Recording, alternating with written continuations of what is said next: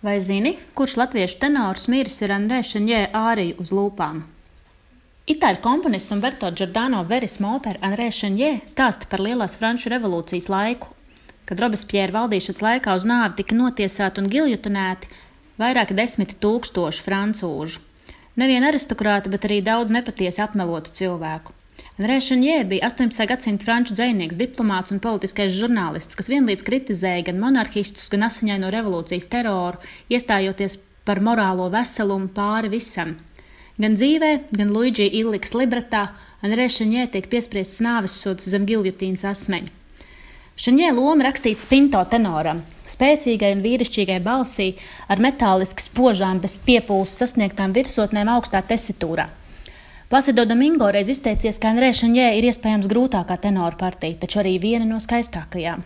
Operas pēdējā cēlienā ir tenora emocionālākā ārija un Beldī del Maģo, kādā skaistā māja dienā.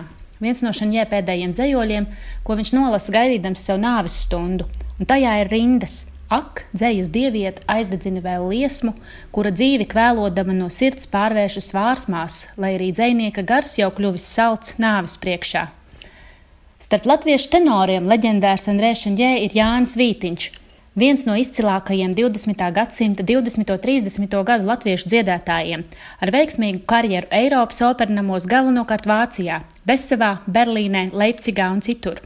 Rīgā Andrēšanē lomu Vītiņš dziedājis divreiz - 1928. un 1937. gadā. Tās arī ir vienīgās reizes, kad opera tikusi iestudēta Latvijas Nacionālajā operā. 28. gadā kritiķis Edvards Ramats par Vītiņu raksta.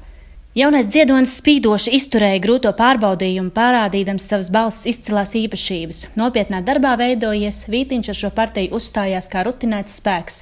Viņa tenoram kā tembra, tā plašuma ziņā visas saistošās īpašības.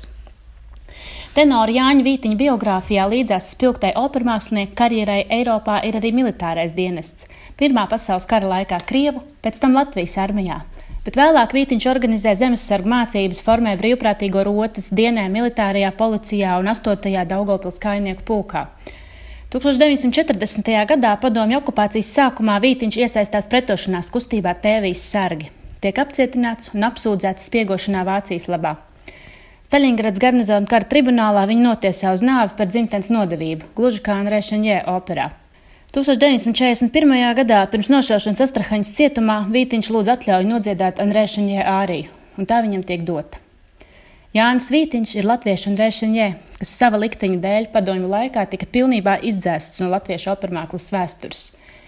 Pirmoreiz pēc 1937. gada opera Andrēšanjē skatuves iestudējumu piedzīvoja 2018. gadā Siguldas opermūzikas svētkos.